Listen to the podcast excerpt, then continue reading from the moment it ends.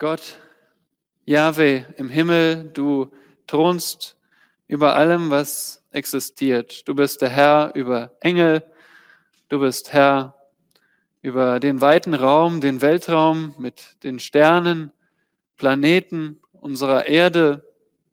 Du siehst uns Menschen, du kennst die Geschichte von Anfang bis Ende, du kennst jedes einzelne Herz und du bist imstande, zu jedem Herzen zu sprechen, so wie wir es brauchen. Dein Wort, das unverrückbar feststeht, ist imstande, uns heute am 20. Mai 2020 zu nähren und dahin zu führen, dass wir dich erkennen, dass wir unser Leben so leben, wie du es willst, dass wir Rettung erfahren, wenn wir verloren sind, dass wir Stärkung erfahren, wo wir entmutigt sind, dass wir neuen Mut bekommen, dass wir die größte Freude, die wir überhaupt haben können, erleben, wenn wir auf dich blicken, lebendiger Gott. Und so bitte nähere du uns durch dein Wort. Ich bin gespannt, ich bin begeistert, dass wir jetzt unsere Gedanken auf dein Wort richten können. Bitte segne du diese Zeit. Amen. Was hat Globalisierung mit Halleluja zu tun? Und beides befindet sich in einer Art Krise. Die Menschen sind wirklich stolz auf die Vorteile der Globalisierung. Wenn wir uns doch mal vor Augen führen, die florierende Wirtschaft, die pulsierende Zusammenarbeit über den Globus hinweg und auch das schier grenzenlose Reisen in Windeseile oder so schnell Flugzeuge uns tragen, das alles sind die Vorteile der Globalisierung. Und die Corona-Pandemie hat diese globalisierte Welt doch erschüttert, zeitweise lahmgelegt oder abgeschottet. Auch das Halleluja ist in der Krise. Halleluja, ihr kennt das, es ist zum Füllwort geworden. Halleluja ist oft ein musikalisches Zwischenspiel. Halleluja ist ein Witzwort oder sogar ein Fluchwort geworden. Diese Welt hat das Halleluja entweiht. Und dabei gehört in den Augen unseres lebendigen Gottes beides zusammen. Globalisierung und Halleluja. Ein globalisiertes Halleluja sozusagen. Und vielleicht fragt ihr euch jetzt, worüber ich eigentlich hier rede. Aber genau das ist die Botschaft und der Aufruf von Psalm 117, den wir uns gemeinsam ansehen wollen. Welche Psalmen haben wir denn schon kennengelernt? Da war Psalm 46 ein Lied des Triumphs, den Sam uns gelehrt hat. Dann kam Psalm 120, ein Lied des Heimwehs und Psalm 121, ein Lied des Vertrauens, die Dieter uns beigebracht hat. Psalm 117 ist ein Lied des Lobpreis. Also wie der Titel Psalmen, das bedeutet nämlich Loblieder schon sagt, so ist Psalm 117 ein Loblied und sozusagen ein Psalm in Reinform.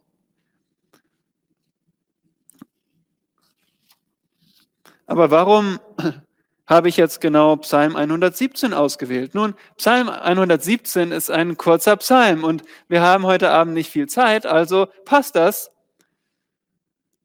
Aber Psalm 117 ist nicht einfach nur kurz. Psalm 117 ist der kürzeste Psalm überhaupt. Es ist sogar das kürzeste Kapitel in der gesamten Bibel. Und noch etwas. Was fällt euch auf, wenn ihr eure Bibel anhebt und anschaut? Das geht jetzt natürlich nur mit gedruckten Bibeln, nicht mit Tablets oder Telefonen. Aber ihr seht, dass das so ziemlich genau die Mitte der Bibel. Und noch mehr. Es ist mathematisch genau die Mitte der Bibel. Ich habe es heute nochmal mit Excel nachgerechnet. Wir haben also in unserer Bibel, in der Schlachterbibel, 1189 Kapitel Und dabei kommen genau 594 vor Psalm 117 und 594 nach Psalm 117. Aber Psalm 117 ist nicht nur die mathematische Mitte der Bibel, es ist auch die thematische Mitte der Bibel. Aber dabei hat die Kürze des Psalms nichts Wichtiges ausgeschlossen, nichts Wichtiges ausgelassen. Psalm 117 sagt uns das Wichtigste über Gott und das Wichtigste über uns Menschen. Ist das nicht erstaunlich? Und noch etwas, bevor wir endlich starten mit Psalm 117. Psalm 117 ist Teil einer Psalmenreihe von Psalm 113 bis Psalm 118, das sogenannte ägyptische Hallel. Nun, Hallel kommt von Halleluja, preist Yahweh der Aufruf zum Lob. Aber warum ägyptisch? Nun, diese Psalmen wurden zu Festzeiten gesungen, wie zum Beispiel zum Passafest. Woran denkt ihr beim Passafest? Natürlich an die Befreiung der Israeliten aus Ägypten. Und deswegen nannte man es das ägyptische Hallel. Aber warum interessiert uns das überhaupt? Warum interessiert uns das, dass Psalm 113 und Psalm 114 vor dem Mahl gesungen wurden und dann Psalm 115 bis Psalm 118 nach dem Passamal gesungen wurden. Warum ist das interessant? Nun, unser Herr Jesus Christus, wenige Stunden vor seinem Tod, bevor er verhaftet wurde und dann verurteilt und gekreuzigt wurde, wenige Zeit zuvor sang er diese Psalmen. Und Psalm 117 war in seinen Gedanken, als er den Leidensweg für dich und für mich und für diese Welt ging. Jetzt aber zum Psalm selbst. Ich lese Psalm 117 nach der Schlachter 2000. Lobt den Herrn, alle Heiden, preist ihn, alle Völker, denn seine Gnade ist mächtig über uns und die Treue des Herrn währt ewig. Halleluja. Nun, wie fassen wir Psalm 117 zusammen? Preist Jahwe alle Völker für seine Gnade und Treue. Aber das ist schon fast so lang wie der Psalm selbst. Also machen wir es ein bisschen kürzer. Wie wäre es einfach mit Preist Jahwe? Das ist der Aufruf an uns alle. Und in diesem Psalm finden wir zwei Gründe, warum jeder Mensch Jahwe preisen soll, auch du. Zwei Gründe, warum jeder Mensch Jahwe preisen soll, auch du. Der erste Grund, den finden wir in Vers 1, das ist Erkenntnis. Preist Jahwe, weil ihr ihn erkennt. Der Psalm beginnt mit einem parallelen Aufruf. Lobt und preist. Wen? Den Herrn. Seht ihr das hier in euren Bibeln? Herr in Großbuchstaben? Das steht für Gottes Eigennamen. Und wir erkennen die vier hebräischen Konsonanten dieses Eigennamens und wir wissen auch, wie wir diese Konsonanten aussprechen. Yahweh. Warum aber steht hier nicht Yahweh? Nun, einige Juden des dritten Jahrhunderts übersetzten das Alte Testament und entschieden, dass der Name Gottes niemals ausgesprochen werden sollte. Das war im dritten Jahrhundert vor Christus. Und als Begründung sahen sie das dritte Gebot, wo es heißt, du sollst den Namen des Herrn deines Gottes nicht missbrauchen. Statt Jahwe begannen diese Juden in Alexandria in Ägypten Herr einzusetzen. Und dabei waren das längst nicht alle Juden, sondern nur eine irrgläubige Sekte. Doch die Gewohnheit, die verbreitete sich und die blieb auch bis heute und hat sich sogar in unsere Bibelübersetzung mit hinein verpflanzt. Brechen wir das dritte Gebot, wenn wir von Jahwe reden und Jahwe anrufen? Eine Gegenfrage. Warum hat uns Gott seinen Namen Jahwe geoffenbart und ihn 6828 Mal in das hebräische Alte Testament geschrieben? Damit wir ihn ersetzen? Eher missfallen wir Gott, wenn wir seinen Namen nicht gebrauchen. Ja, wer hat uns seinen wunderbaren Namen geschenkt, damit wir ihn erkennen. Darum geht es, den lebendigen Gott zu erkennen. Jahwe, dieser Name bezeichnet Gott nämlich als den ewigen, den selbstexistenten und den unwandelbaren Gott. Jahwe ist auch sein Bundesname, denn er stellt sich dem Abraham und den Stammvätern mit diesem Namen vor und verspricht ihnen einen Bund. Und damit auch kolossale Verheißungen von globalem Ausmaß. Setzen wir jetzt Jahwes Namen ein, so geht uns gleich auf, wie Psalm 117 gleich auf gleich klingende Weise beginnt und endet. Hier steht wörtlich Halleluja, eth Yahweh. Und der Psalm endet mit Halleluja. Halleluja, eth Yahweh, Halleluja. So beginnt und endet der Psalm. Und wir sehen, dass das, dieser Aufruf also gleich klingt, am Anfang und auch am Ende. Halleluja bedeutet lobt Ja, lobt Yahweh. Und ihr dürft genauso gut sagen, preist Yahweh, denn die beiden Befehle sind nahezu gleichbedeutend hier.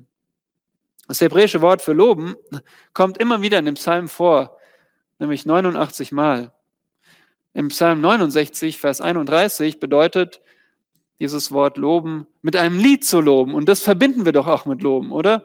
Dass man Gott lobt, indem man zum Beispiel ähm, eine Rede hält oder noch mehr ein Lied singt, indem man Instrumente gebraucht, indem man sogar tanzt aber Vorsicht, Loben ist keine rein musikalische Handlung. Loben ist vor allem eine Handlung des Denkens und des Herzens. Es bedeutet, große Genugtuung darin zu finden, den Gelobten für sein Wesen und Taten zu preisen. Loben bedeutet große Genugtuung, Zufriedenheit, Befriedigung darin zu finden, den Gelobten für seine Taten und sein Wesen zu preisen. Einfach gesagt, loben bedeutet rühmen. Es steht zum Beispiel in Jeremia Kapitel 9, Vers 22, wo es heißt, dass der Weise sich nicht seiner Weisheit rühmen soll, der Starke nicht seiner Stärke und der Reiche nicht seines Reichtums. Nun haltet einmal inne und denkt nach. Jemand oder etwas rühmen, das machen die Menschen, das machen wir Menschen doch tagtäglich. Das machen wir seit jeher. Die Menschen rühmen ein Land. Die Menschen rühmen einen besonderen Ort. Die Menschen rühmen ein leckeres Essen. Die Menschen rühmen einen Künstler. Die Menschen rühmen einen Sportler, eine Mannschaft, vielleicht eine Fußballmannschaft. Sie rühmen eine Firma. Sie rühmen einen Erfinder. Sie rühmen eine Rakete, ein Auto, ein Bauwerk. Sie rühmen eine Software, sie rühmen ein Gerät, sie rühmen ein Buch, sie rühmen eine App, sie rühmen einen Film, sie rühmen ein Bild, vielleicht ein Bild von sich selbst. Ja, wir rühmen uns gern selbst. Wir rühmen, was wir auf der Arbeit geleistet haben. Wir rühmen, wie wir unsere Kinder zu Hause erzogen haben. Wir rühmen, was wir organisiert haben, was wir gefertigt haben. Wir rühmen, was wir geschrieben haben, was wir erlebt haben, was wir gesagt haben, was wir gelesen haben, was wir gelernt haben. Ja, wir rühmen uns selbst dafür, was wir für den Herrn getan haben. Wen oder was rühmst du? Wen oder was lobst du, wenn du redest? Nun, Psalm 117 richtet uns wieder korrekt aus. Lobt Jahwe, rühmt ihn. So wie wenn wir uns selbst oder andere Personen oder Orte oder Erlebnisse und Dinge rühmen, weil wir sie besonders überlegen und bedeutsam und reizvoll finden, so sollen wir Jahwe rühmen. Und zwar rühmen wir ihn, weil wir von seiner Vorzüglichkeit ergriffen sind. So wie wir andere Dinge rühmen, weil wir sie toll finden, weil wir sie wichtig, bedeutsam und reizvoll finden und darüber nachgedacht haben und das mit unseren Gedanken und unseren Gefühlen wirklich bejahen. So sollen wir in Gedanken und Emotionen von Gott ergriffen sein. Und das wird uns dazu führen, Gott zu loben und zu rühmen. Da können wir gar nicht anders, als davon zu reden oder, oder zu singen, sogar zu tanzen. Nun hört auf das, was der Psalmist, was Psalmisten zum Loben gebracht hat. Ich bin einmal die Psalmen durchgegangen und habe geschaut, wo steht das Wort loben? Und da steht, sie loben, lobten Gott für seine Größe, seine Macht, seine Weisheit, seine Herrlichkeit, Barmherzigkeit, für sein Mitleid, sein Eingreifen, sein Versorgen, Erhalten, Erneuern, seine Erwählung, seine Souveränität, seine Rettung, seine Gebote, Führung, Erlösung, seine Liebe und Güte. Wie häufig loben wir Jahwe im Alltag? Nun, ihr kennt das Sprichwort, Loben zieht nach oben. Und das stimmt. Aber erst müssen wir unseren inneren Blick nach oben richten und unsere Gedanken mit Jahwe, dem einzigen Gott, füllen, damit wir ihn auch erkennen und gar nicht anders können, als zu loben. Jemand hat mal gesagt, streckst du dich danach aus, Jahwe, Gott zu rühmen, dann vergisst du darüber, dich selbst zu rühmen. Geschwister, Psalm 117 enthält nur diesen einen Befehl. Lobt Jahwe, preist Jahwe. Weil es in unserem Leben nur diese eine Priorität gibt, unseren Gott zu loben, zu rühmen. Und wenn du das nicht kennst aus deinem Leben, dann hast du auch Jahwe, den Herrn, noch nicht erkannt. Jahwe, war, Jahwe zu loben war die erste Aktivität in der Geschichte unserer Erde, in Hiob 38, als die Engel ja lobten, als die Erde geschaffen wurde. Jahwe zu loben ist auch der, der Grund, warum die Stiftshütte in der Mitte des Lagers stand. Es ist der Grund, warum Gott seinen Sohn sandte, damit er Anbeter sucht für den Vater. Johannes 4, Vers 23. Und Jahwe zu loben ist die wichtigste Aktivität im unsichtbaren Himmel. Sehen wir in Offenbarung 4 und 5. Es ist wirklich unsere Priorität und es muss unsere Priorität bleiben, Jahwe zu loben. Psalm 117 sagt uns auch, wer Jahwe loben soll, nämlich hier steht es, alle Heiden, alle Völker. Alle Heiden meint wörtlich Völker, auch Israel eingeschlossen oder nicht. Manchmal wurde es gebraucht für die Völker ohne Israel, manchmal mit. Das zweite Wort Völker bezeichnet die einzelnen Stämme. Wörtlich bedeutet es Stämme, also selbst bis hin zu den kleineren Gruppierungen und Familien. Anders gesagt, alle Menschen ohne Unterschied, alle Menschen ohne Ausnahme sollen Yahweh loben. Ja, die circa 13.000 Volksgruppen auf der Erde, alle sollen Yahweh preisen. Alle Völker. Wo haben wir das schon mal gehört? Ja klar, bei 1. Mose 12, wo es heißt, dass in Abraham alle Völker gesegnet werden. Und dann im Psalm 72, Vers 17, wo es heißt, dass alle Völker durch den Messias gesegnet werden. Psalm 72 haben wir in unserer Lesestation durch die Psalmen gesehen, dass dieser Psalm vom Messias spricht, wo es heißt in Vers 17, in ihm werden gesegnet sein alle Heiden. Sie werden ihn glücklich preisen. Also Gott hat den Segen schon verheißen, dass er im Messias auf alle Völker kommt. Und darum sagt der Herr Jesus auch in Matthäus 28, so geht nun hin und macht zu Jüngern alle Nationen, alle Völker. Und dieser kürzeste Psalm hier hat eine globale Botschaft, weil die Bibel Gottes globalen Plan geoffenbart hat. Und ich finde das begeisternd. Von Anbeginn hatte Gott das Heil der Völker im Visier. Das ist doch erstaunlich. Die Völker, die als Folge von Sünde entstanden, nämlich bei dem Turmbau zu Babel, als sie, sie zusammenbleiben wollten und Gott sie zerstreut hat durch die verschiedenen Sprachen und verschiedene Völker entstanden. Diese Völker, die durch Sünde entstanden sind, die werden jetzt zum Ruhm Gottes am Ende, wo Gott sie aus jedem Volk und jeder Nation und aus jedem Stamm erlöst. Das war Psalm 117, Vers 1. Wie viel Zeit haben wir noch? Gut, nicht mehr viel. Was ist der zweite Grund, warum jeder Mensch Yahweh preisen soll?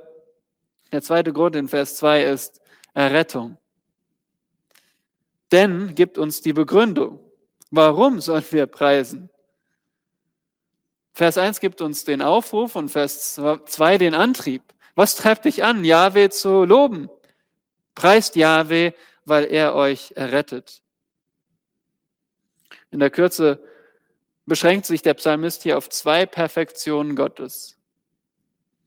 Und diese zwei Perfektionen, die ragen wie Berggipfel aus dem Gelände. Und das ist seine Gnade und seine Treue.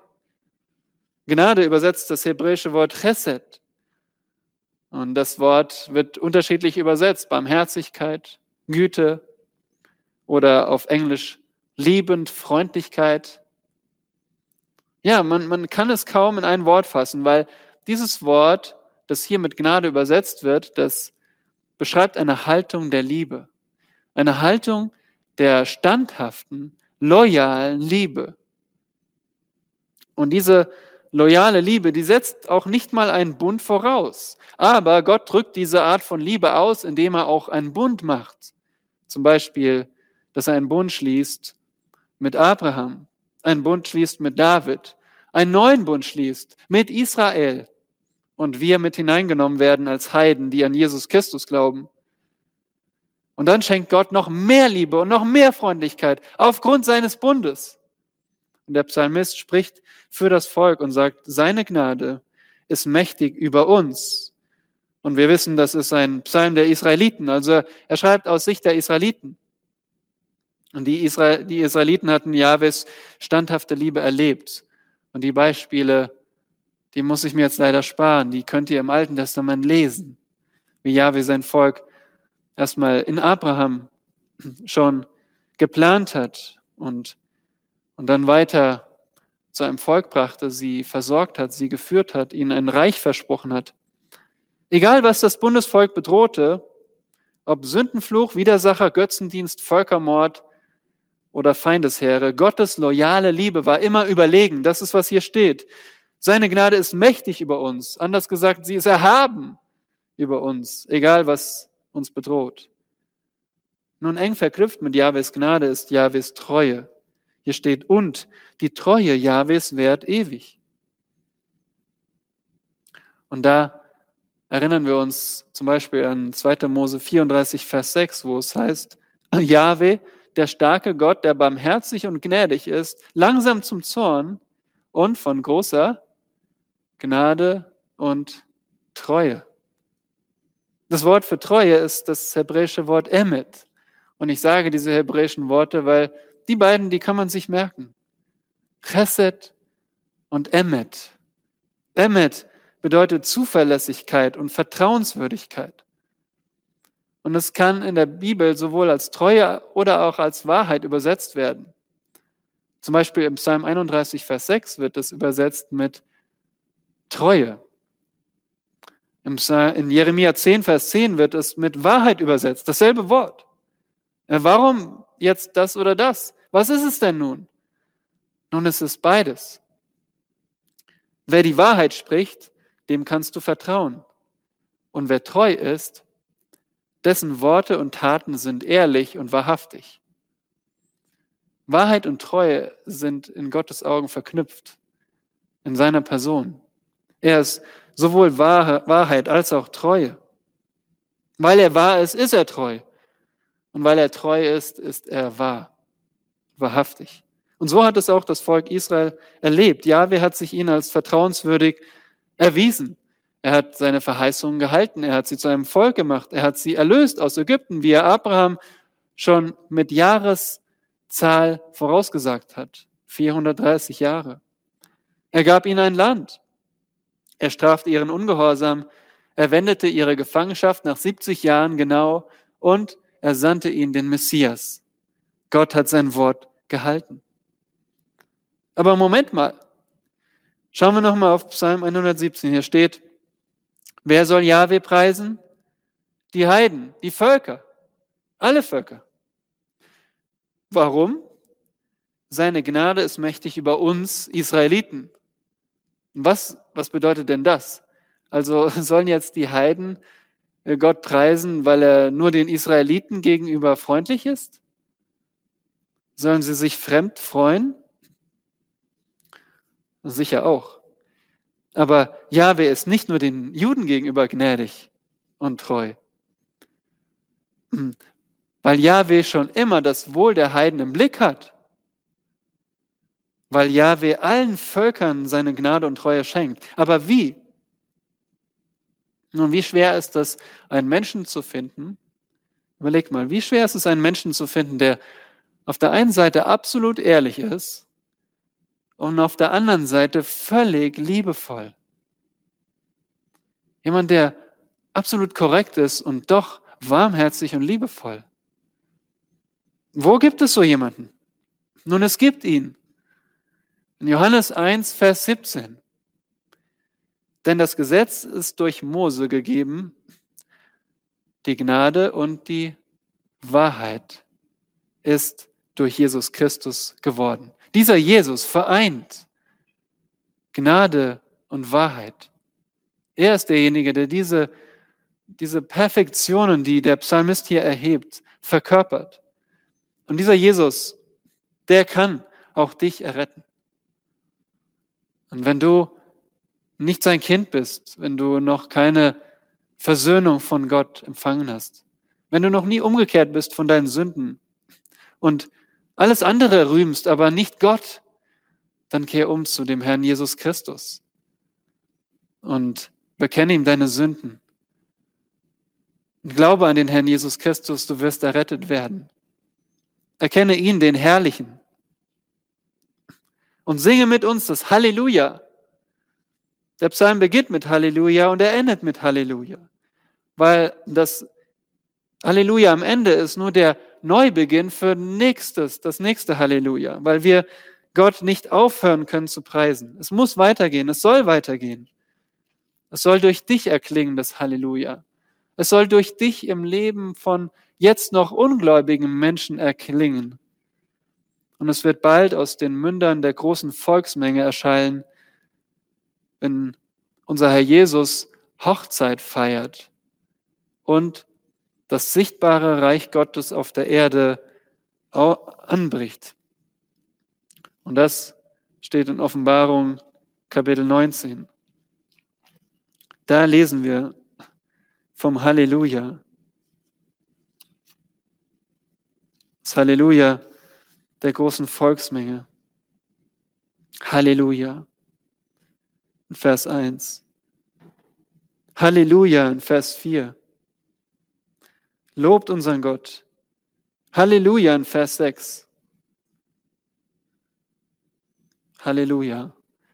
Denn Jesus regiert. Jesus rettet, Jesus regiert. Und so erkenne Yahweh, der dich errettet hat.